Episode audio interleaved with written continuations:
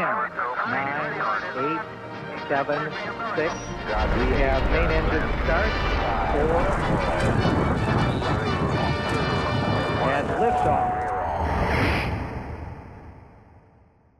Halo, halo, Paulina Kirszke, podcast Kobiety jak rakiety. Dzisiaj rozmawiać będziemy na temat y, negocjacji i tego, jak negocjować, y, dlatego że nagrywając rozmowy z kobietami jak rakietami, zdałam sobie sprawę i słyszałam od Was, bo pisałyście do nas mm, maile, wiadomości, że świetne są te wszystkie kobiety, ale jakie by można było dać im rady, aby stały się też takimi rakietami. I pomyślałam sobie, że warto zacząć zacząć od negocjacji, dlatego że po pierwsze, aby być kobietą jak, rakiet, jak rakietą, trzeba wiedzieć doskonale, dokąd chce się dojść. E, po drugie, umieć o to walczyć, a co za tym idzie, również umieć negocjować. A z kim e, lepiej porozmawiać o negocjacjach, jak nie z Ewą Scheiner, certyfikowaną negocjatorką i doradczynią w zakresie negocjacji i autorką książki Negocjuj kobieto. Dzień dobry. Dzień dobry. Ewo, i od razu zacznijmy od tego, czy kobiety są kiepskie w negocjacjach, czy też myślą, że są kiepskie w negocjacjach? E, ja powiem tak. E, tak się złożyło, że chyba wszyscy tak myślą, bo, bo takie przekonanie, że kobiety nie są najlepsze w negocjowaniu, które oczywiście kobiety mają, niesłusznie zupełnie, ale mają też chyba panowie, więc wszyscy gdzieś tak sobie od dawna myślą, że panowie, mężczyźni to są od tych spraw, nazwijmy to poważnych, wielkich, i na przykład negocjacje, kwestie pieniędzy, kwestie decyzji, no a kobieta niekoniecznie, więc nie jest dobra. Oczywiście ja się z tym nie zgadzam, absolutnie. No właśnie, bo pisząc tę książkę, e, napisałaś o tym, że, że, że, negocjacje to jest nic innego jak coś, czego można się nauczyć i że w zasadzie jest kilka kroków, e, które, o których trzeba zdawać sobie sprawę, ale też wiele stereotypów, które nas przede wszystkim kobiety ograniczają. I jeżeli możemy najpierw e, zrobić taką wędrówkę po tych stereotypach, a potem krótko opowiedzieć, jak się przygotowywać do negocjacji i jak zacząć o sobie myśleć, że jest się całkiem niezłą negocjatorką, bo wypisałaś kilka, y, kilka takich właśnie stereotypów, przekonań, przez które kobiety nie chcą negocjować, i jednym z nich jest to, że po prostu nie umiem. Mhm. Tak, kobieta sobie myśli, że nie będę negocjować, bo przecież ja tego nie umiem. E, a zatem oświadczam wszemi wobec, że ja też nie umiałam, dlatego że e, negocjacje to nie jest coś, z czym się można urodzić negocjacji się można nauczyć. No i ktoś mądry nawet powiedział, że nikt nie rodzi się negocjatorem, ale każdy może nim zostać. A zatem wystarczy, no oczywiście odrobina wiedzy teoretycznej, praktyka i robi to z nas negocjatora. A zatem okej, okay, nie umiem negocjować, ale jest to sytuacja na tu i teraz, nic nie stoi na przeszkodzie, żeby się tego nauczyć.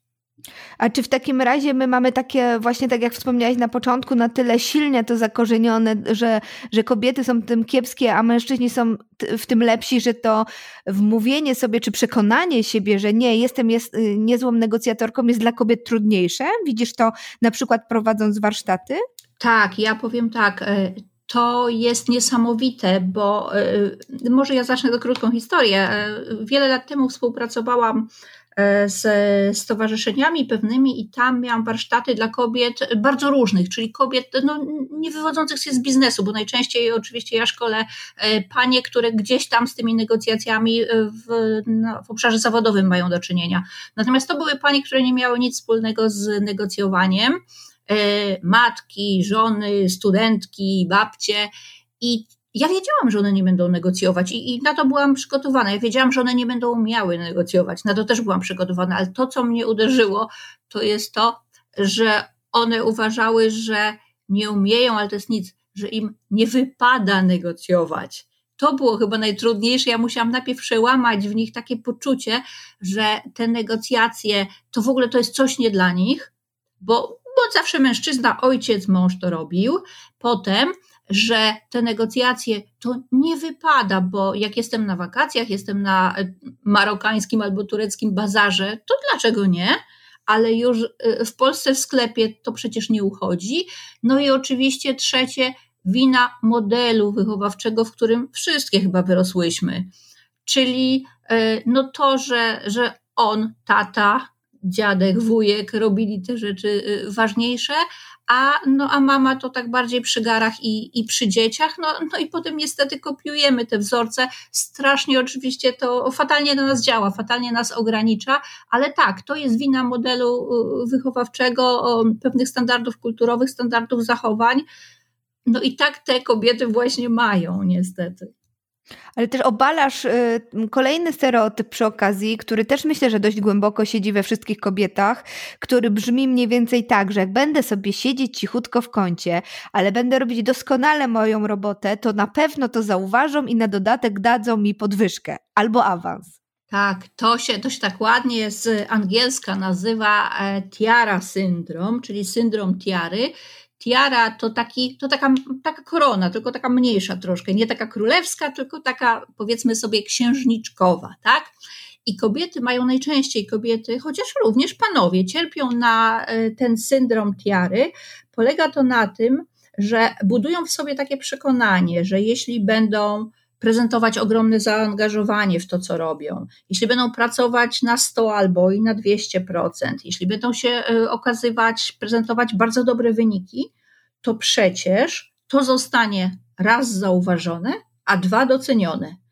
No, niestety tak w życiu nie jest. To się może wydaje proste i jak najbardziej logiczne, ale e, tak nie jest i tu nawet ja bym powiedziała, nie wynika to z tego, że na przykład nasz szef nas nie lubi, i dlatego nas nie awansuje, chociaż jesteśmy, wydaje nam się, albo wszystkim wokół nawet, że jesteśmy najlepsze z zespołu, tylko dlatego, że pamiętajmy, że ludzie mają swoje problemy, ludzie mają swój punkt widzenia i po prostu czasami to, że jesteśmy najlepsze albo najbardziej się staramy, to nie wystarczy, trzeba to jeszcze zakomunikować. Tak, na, na obwolucie swojej książki piszesz, że w życiu nie dostajesz, w życiu dostajesz nie tyle, na ile zasługujesz, lecz to, co wynegocjujesz. Dokładnie. To jest, to jest dokładnie to, bo możesz być świetna, ale jeśli będziesz tylko liczyć na, nie wiem, na sprawiedliwość społeczną albo sprawiedliwość dziejową, to całe życie możesz czekać, ale się nie doczekać. No to chyba nie, nie o to chodzi, prawda? Tak, to, to, to, widać doskonale na przykład, jak długo my czekamy na to, żebyśmy miały na przykład równouprawnienie i równy dostęp do różnych stanowisk, czy też porówno z mężczyznami e, miały dostęp do, nie wiem, tag ministerialnych, prawda? No i efekt jest taki, że sobie tak cichutko w tym kąciku czekamy i mamy jedną panią ministrę na 22 panów ministrów. Dokładnie, dokładnie. Kobiety nie są dobre w negocjacjach, o tym już mówiłyśmy, że są. Mogą być. A przynajmniej nie, mogą być, tak. Oczywiście, tu nie ma żadnych, tu nie ma żadnych e, jakichś takich e, przeciwwskazań, nie ma żadnych barier. Co więcej, tutaj oczywiście psychologowie się zajęli badaniami, amerykańscy zresztą, bo chyba nie ma rzeczy, której Amerykanie nie, nie przebadali. I oni e, udowodnili na przykład, że kobiety są, uwaga, lepsze od panów, ale w pierwszym etapie negocjowania, wtedy, kiedy mamy to takie poznanie się, ten small talk, to przełamanie jakichś tam pierwszych lodów, to budowanie atmosfery. Po prostu kobiety są bardziej empatyczne z natury, y, też się w taki sposób komunikują i one świetnie nadają się do tego początkowego etapu negocjacji. Panowie z kolei są troszkę lepsi od pań przy zamykaniu procesu, czyli jeśli już mamy y, pewne rzeczy uzgodnione, to po prostu zamykamy tematy, dążymy do końca, żeby postawić y, kropkę na D y, czy podpisać kontrakt. Ale tutaj to jest absolutna równowaga. Jedna płeć jest lepsza w tym etapie, druga w tym. Natomiast oczywiście, jeśli się tego uczymy, jeśli się w tych negocjacjach doskonalimy, no to staramy się być i, i możemy być jak najbardziej dobrzy, w, dobre w całej rozciągłości tego, tego procesu. Tak, bo to, o czym mówiłaś też, nie wypada negocjować, wiąże się z tym, że u kobiet to brzmi jeszcze dalsze dwa zdania mniej więcej tak, nie wypada mi negocjować, co mój szef o tym pomyśli.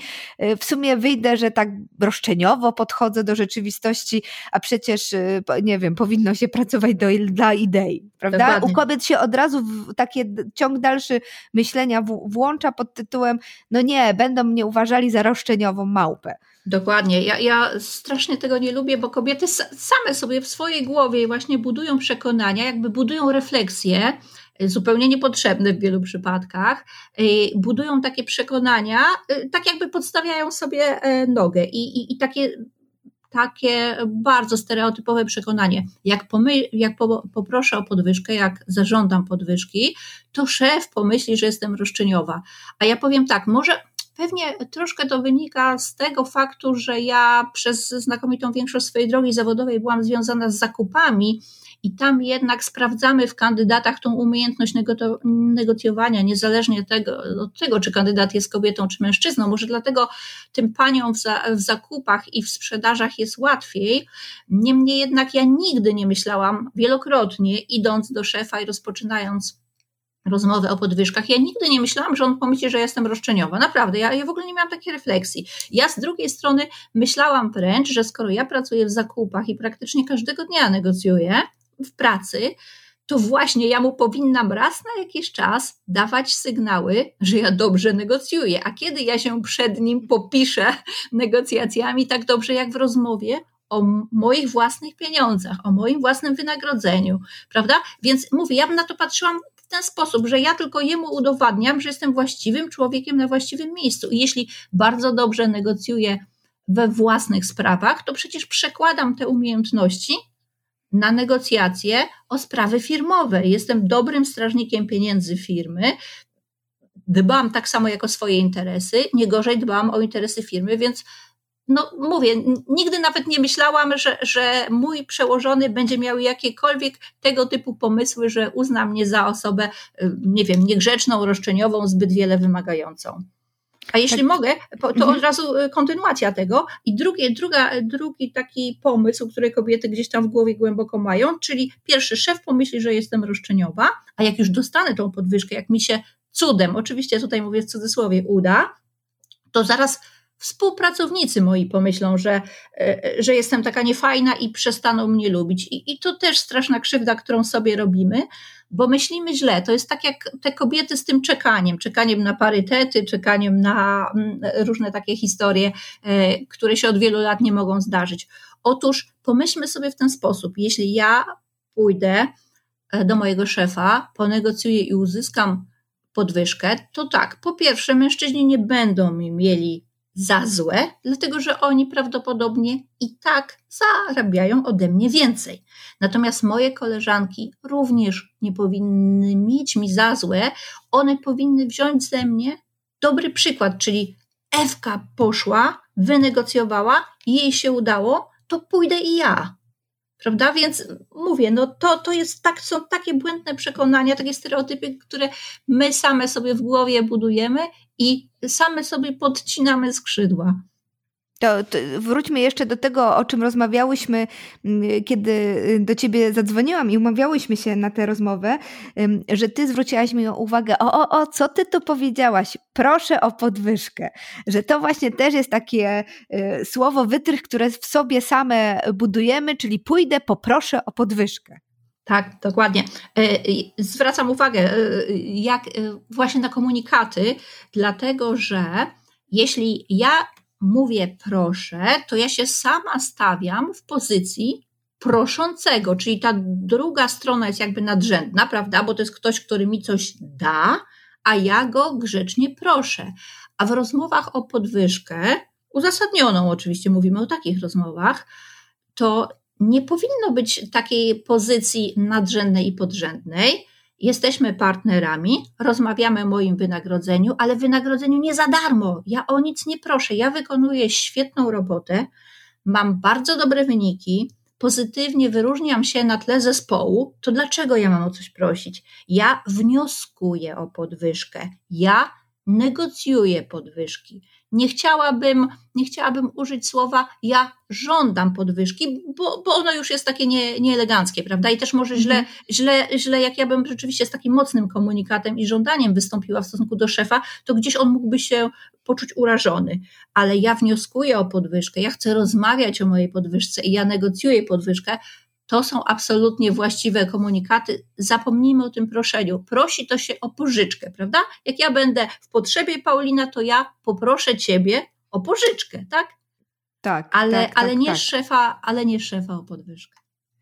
I tu jest jeszcze jedna rzecz, y, która mi przychodzi do głowy, że kobietom zdecydowanie łatwiej chyba y, przychodzi negocjowanie w sytuacji, kiedy mają negocjować coś dla kogoś innego niż dla siebie samej. Tak, dokładnie. To, to jest też niesamowite, to wyszło w badaniach, że mm, jeśli badali naukowcy amerykańscy znowu badali efektywność pracy negocjatorów, kobiet i mężczyzn to wyszło, że są jednakowo efektywni panie i panowie. Kobiety sobie świetnie radzą właśnie, jeśli negocjują w imieniu szefa, jeśli negocjują na rzecz firmy, jeśli negocjują reprezentując jakąś społeczność, nie wiem, wspólnotę mieszkańców i tak dalej, i tak.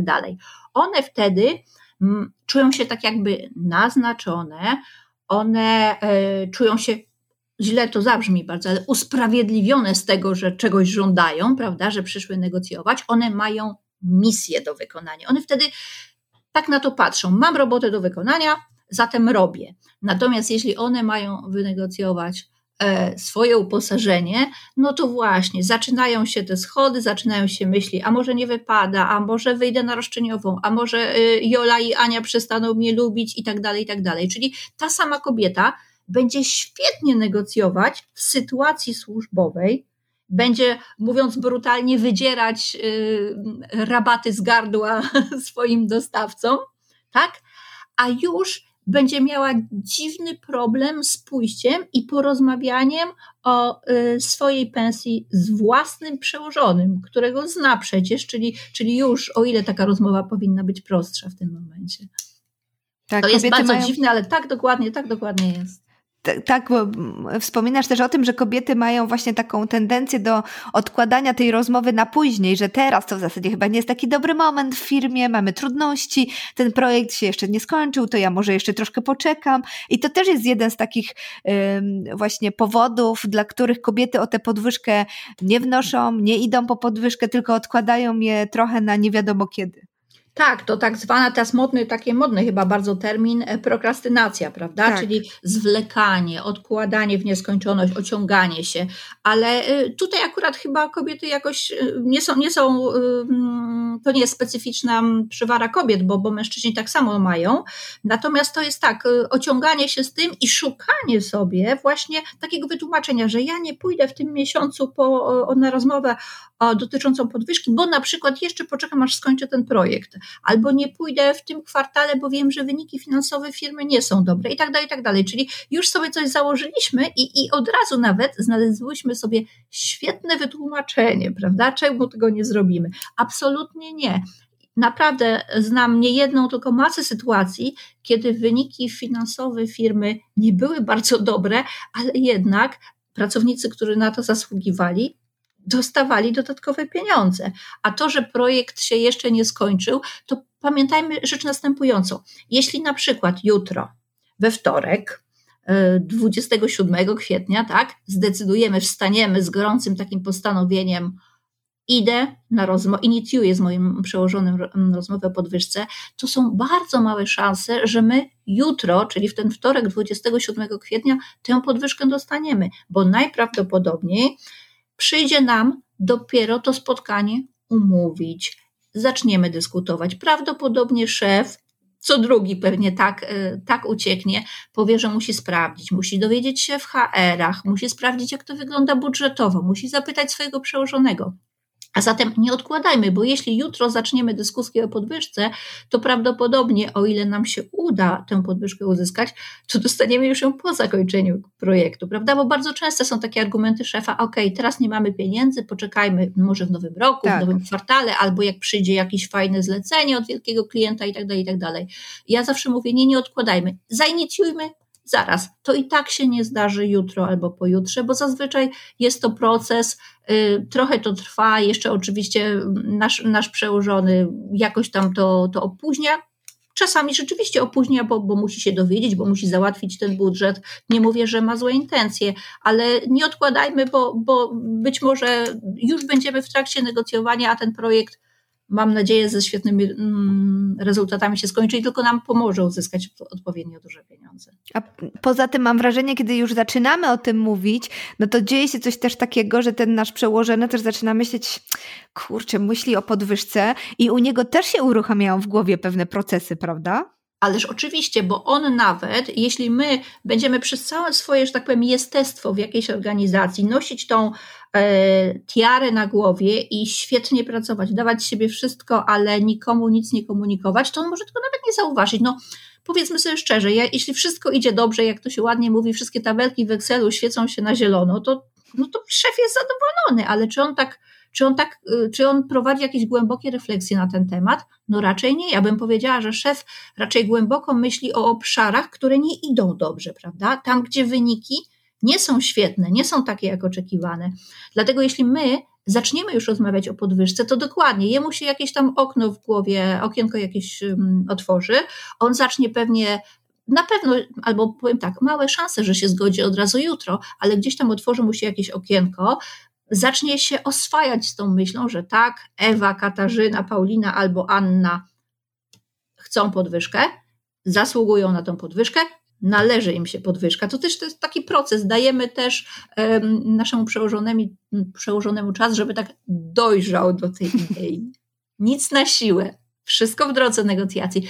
Ciekawe mi się przypomniało taki cytat z Aleksandra Fredry, myślę tutaj na miejscu, bo on kiedyś powiedział, że na świecie, jak na jarmarku, lepiej się ten sprzeda, co się przecenia, niż ten, co się nie docenia. Nie? Czyli, czyli ta, ta, tak. taka, ta taka z tiarą, y, że tak powiem, mm, robotnica, no ona, ona jest sama, ona nie docenia się sama, w związku z tym ona nie ma szansy być doceniona przez otoczenie, prawda? To jest tak, to jest taki, tak, to jest chyba taki, um, taki case też, o którym e, właśnie ostatnio dużo słyszę, czyli o tym, żeby też kobiety zupełnie inaczej siebie same postrzegały, na przykład w tak prostej rzeczy, jak siadanie przy stole w trakcie negocjacji, czy jakichkolwiek w ogóle zebrań, czy spotkań w firmie, bo kobiety mają tę tendencję właśnie, żeby gdzieś tam uciekać w ten róg, usiąść sobie cichutko i notować, zamiast pokazać wszystkim uczestnikom zebrania, że jestem tu na tych samych równych prawach, sprawach, co każdy inny członek tego zespołu. I, i to też jest taki proces, który myślę, że, że dopiero się w głowach wielu osób zaczyna, że mam prawo usiąść przy tym stole, prawda? I to jest tak samo to, co mówisz, mam prawo iść po podwyżkę. Tak, Paulina, dokładnie. To jest niesamowite. E, kiedyś e, gdzieś tam była taka dyskusja i panie, kobiety oburzały się, że jak są na spotkaniu biznesowym, to panowie jak e, oglądają się za czymś do picia, prawda? Nie wiem, kawa, herbata, to tak naturalnie się skłaniają w stronę kobiet i, i, i nie wiem, i proszą albo nawet oczekują, że, że ta szklanka będzie uzupełniona, prawda? Albo filiżanka z kawą będzie e, przyniesiona. I, I dlaczego tak to jest? I że ci mężczyźni e, no, nie postępują tak, jak trzeba. I ja tutaj, o dziwo, wezmę, wezmę w obronę panów. Otóż, wyobraźmy sobie taką sytuację. Pani, kobieta, uczestniczka negocjacji, zakrada się do pokoju. Niektóre panie mają taki sposób chodzenia, tak jakby cichutko, leciutko otwierają drzwi, wślizgują się do komnaty, prawda, żeby, żeby nie naruszyć tego miru, żeby nikomu nie przeszkadzać. Tą tiarą na głowie. Tak, tak, tak, dokładnie. Więc ona się cichutko wślizguje do pokoju, gdzie prowadzą negocjacje. Ona, tak jak powiedziałaś dokładnie, usiądzie na najbardziej ostatnim krześle, w rogu, Y, usiądzie na brzegu stołu, jeszcze tak mówiąc brutalnie, tak jednym półdubkiem na krześle, tak, tak, tak, żeby, tak żeby się nie rozsiąść, prawda? Jeśli będzie negocjacja, to to, co jest najgorsze, nawet jeśli będzie miała świetne pomysły, nawet jeśli będzie miała coś do powiedzenia, to ona się nie odezwie, bo no nie, przecież faceci rozmawiają, oni wiedzą, oni wiedzą, co, co mówić, prawda? Oni na pewno już wszystko mądrego powie, wszystko, co mądre powiedzieli i wszystko, co trzeba powiedzieć, zostało powiedziane, nieprawda? No i potem się dziwimy, że po takim wstępie, po takim rozwinięciu i po takim zakończeniu, panowie, jak chcą czegoś do picia, to się patrzą w stronę pani. Ja powiem szczerze, to brutalnie zabrzmi, no ja się nie dziwię.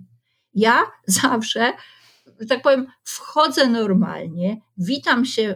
Teraz niestety nie, bo większość spotkań jest w trybie online, ale zawsze witałam się, to się nazywa po męsku, no ale y, tak to się nazywa, normalnie silnym uściskiem dłoni. Siadałam na miejscu, które mnie najlepiej odpowiadało z racji y, funkcji, czyli z racji mm, prowadzenia spotkania, czyli gdzieś właśnie najbardziej po środku. Ja prowadziłam spotkania, ja zadawałam pytania, ja kontrowałam tak dalej, i tak dalej. I proszę mi uwierzyć, naprawdę nie pamiętam, żeby ktokolwiek mnie kiedyś poprosił, żebym mu przyniosła coś do picia. No właśnie, ale to jest też, zobacz, jak ten język chociażby funkcjonuje, prawda? Że silny uścisk dłoni to jest tak, jak wspomniałaś, uścisk Męs. po męsku. Tak. Że, że tutaj te obalanie tych mitów wiąże się w zasadzie z obalaniem mitów i stereotypów w bardzo wielu warstwach, również tej językowej. Absolutnie. Tak, kobiety się komunikują, tak jak powiedziałam, dobre są w tym budowaniu na początku dobrej atmosfery rozmów, one się komunikują w taki specjalny sposób i to właśnie sprzyja budowaniu jakichś relacji, budowaniu więzi, ale dokładnie, one czasami poruszają się, mówią, zachowują się właśnie w taki sposób, który absolutnie nie sprzyja temu, żeby sobie wyrobić pozycję biznesową, żeby sobie wyrobić odpowiednią pozycję w negocjacjach. No i żeby potem iść z otwartym czołem i nie prosić, tylko negocjować, rozmawiać o, o swoich pieniądzach. Mi się tu jeszcze jedna rzecz przypomniała, jak tak właśnie mówimy o tych, o, o, o tych y, panach, to też y, taka, y, taki, taki w głowie pomysł kobiet, że przełożony jest facetem, więc on woli, ja nie dostanę e, podwyżki, bo on woli e, promować mhm. mężczyzn. Ja się z tym absolutnie, absolutnie nie zgadzam. Ja naprawdę miałam w życiu ogrom przełożonych i w większości, znakomitej większości byli to panowie, więc mogę powiedzieć, że z autopsji wiem. Niemniej jednak ja bym podzieliła swoich szefów, wszystkich ogólnie szefów na takie dwie podstawowe grupy. Szefowie, którzy promują, nagradzają ludzi lepszych od nich w pewnych obszarach. To jest mądre, właśnie dlatego, żeby mieć świetną grupę, świetny team pracowników, którzy będą bardzo dobrze pracować i przynosić dla danego działu, dla danego teamu świetne rezultaty, albo też szefowie, którzy będą promować nieudaczników, będą tak, promować słabych klakierów. Tak, oni będą promować tą byle jakość, dlatego że oni Wynika to zazwyczaj z tego, że oni się nie czują pewnie na swoim stanowisku szefa, dlatego boją się wziąć nie wiem, błyskotliwą osobę, bo boją się zwyczajnie o swoją przyszłość, dlatego oni się będą otaczać miernotami. Natomiast naprawdę w ramach tych swoich historii z wieloma szefami ja nigdy nie spotkałam faceta, który by promował mężczyzn tylko dlatego, że, że oni są mężczyznami. No, no nie, raczej naprawdę podzieliłabym to właśnie na te dwie grupy, na tych takich nazwijmy to światłych, otwartych, budujących zespoły, dobre zespoły, i którzy nie mają problemu z promowaniem kobiet, z nagradzaniem kobiet, no i tych, którzy też nie będą mieli problemu y, właśnie dlatego, że to jest mężczyzna czy kobieta, tylko oni mają jakby problem ze sobą i przekładają to niestety na zespół, którym, którym dowodzą. Ale też poruszyłaś bardzo ważny temat właśnie pewności siebie, bo żeby pójść i negocjować tę podwyżkę, trzeba mieć tę pewność siebie, że ja wiem, że jestem dobra, wiem, że na to zasługuję, więc idę, bo tak y, mi się należy, jak to się ładnie teraz mówi. Mhm. Znaczy, nawet zasłużyłam sobie na to, po tak, prostu, dokładnie. najzwyczajniej w świecie. Jestem dobra, zasłużyłam sobie na to. I tu mi się przypomniał y, też taki cytat, który ty umieściłaś w jednym z artykułów z Nicki Minaj, która opowiada, że jestem świetną raperką, wychodzę na scenę i porywam tłum, sprawiam, że moi fani są szczęśliwi. To jest warte dużych pieniędzy, a ja chcę być za to dobrze wynagradzana. I to chyba jest też bardzo ważne w tym, tym pierwszym kroku, zanim jeszcze pójdę po tę podwyżkę, to sobie zdać sprawę, że jestem po prostu świetna, prawda? I zbudować taką pewność siebie, żeby nie mieć co do tego samej wątpliwości. Dokładnie, bo jeśli, bo jeśli my pójdziemy mając wątpliwości co do tego, czy nam ta podwyżka się należy, no to wyobraźmy sobie, no to, to tym bardziej większe wątpliwości może mieć nasz szef. Natomiast jeśli my będziemy szły przekonane o swojej ogromnej roli w organizacji, oczywiście zakładamy, że, że jesteśmy dobrzy, że się staramy, że mamy dobre wyniki, to jeśli idziemy w pełnym przekonaniu, że zasługujemy na większe pieniądze, zasługujemy na, na awans, zasługujemy na promocję, zasługujemy na premię, to tym łatwiej będzie przekonać czy naszego szefa, czy potem wspólnie kogoś z HR-ów, prawda, który gdzieś tam na przykład, jak to się mówi, trzyma łapę na, na budżetach, albo szefa naszego szefa, no to, to musi się, to, ta, ten cały proces musi się zacząć w nas, żeby móc, że tak powiem, promieniować na, na kolejne osoby, które w ramach tego etapu z którymi będziemy się musieli komunikować, które będziemy musieli przekonywać. Tak, jak najbardziej. seven, six. We have main engine start, four, and liftoff.